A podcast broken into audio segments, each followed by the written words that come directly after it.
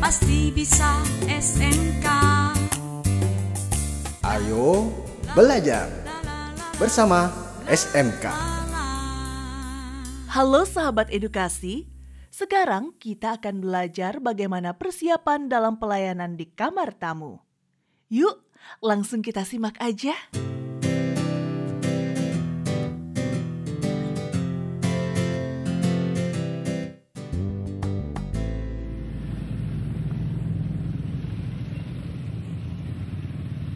Alhamdulillah ya, ternyata kemarin masih belum mulai magangnya.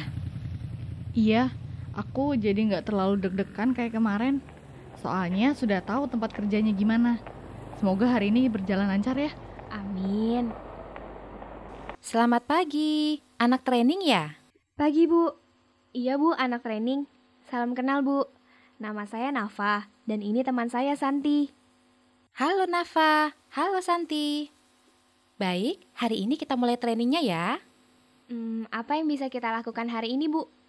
Kita hari ini akan set up atau mempersiapkan alat yang digunakan untuk mengantar makanan ke kamar.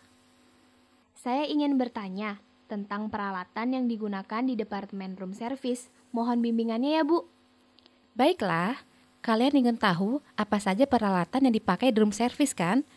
Peralatan-peralatan yang digunakan yaitu chinaware, glassware, silverware, dan linen. Oh, Kalian tahu tidak itu apa? iya, saya tahu Bu. Di sekolah kita sudah belajar. Kalau Chinaware itu yang keramik-keramik gitu kan? Terus kalau glassware itu yang kaca-kaca kan? Terus kalau silverware itu kalau tidak salah seperti sendok garpu gitu kan? Kalau linen yang berbahan kain kayak napkin sama tablecloth gitu. Ya kan, Bu? Iya, benar. Kalian sudah pada pinter ya ternyata.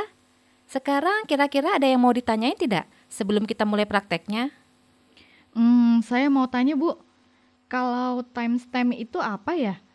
Saya pernah membacanya kalau itu digunakan di room service. Oh, timestamp. Timestamp atau alat pengecap waktu biasanya digunakan untuk mencatat jam berapa pesanan makanan dan minuman tamu dikirim ke kamar. Lalu, Bu, peralatan yang khusus biasanya ada di room service itu apa? Oh, ada nih, namanya room rack. Room rack apa tuh Bu? Suatu rak di mana tercantum nomor-nomor kamar hotel secara teratur. Nah, pada rak ini akan ditaruh nama-nama tamu yang menginap di hotel sesuai dengan nomor kamarnya.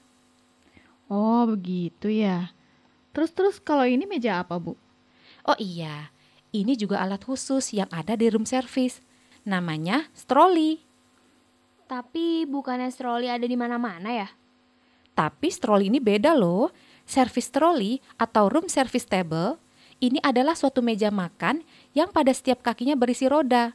Digunakan khusus untuk melayani tamu di kamar.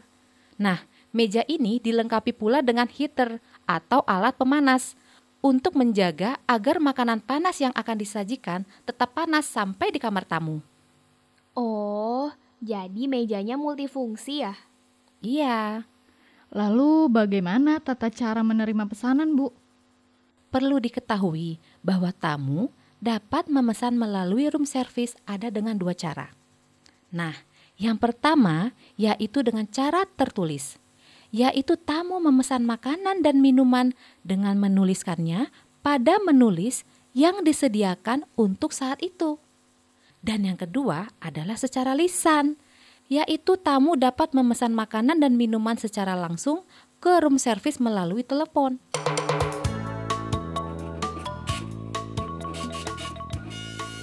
Nah, kebetulan sekali nih. Saya akan contohkan sekarang dengan pesanan yang baru saja datang melalui mesin order ini. Nah, ini adalah contoh dengan cara lisan.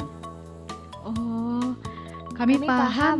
Terima, kasih Bu. Iya, sama-sama.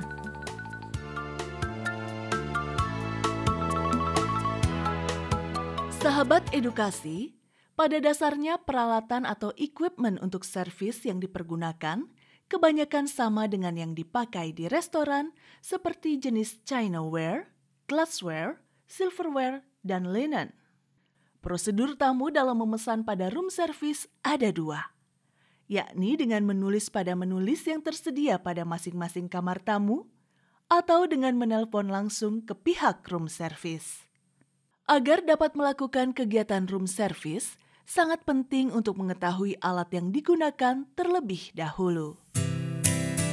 Ayo belajar bersama SMK.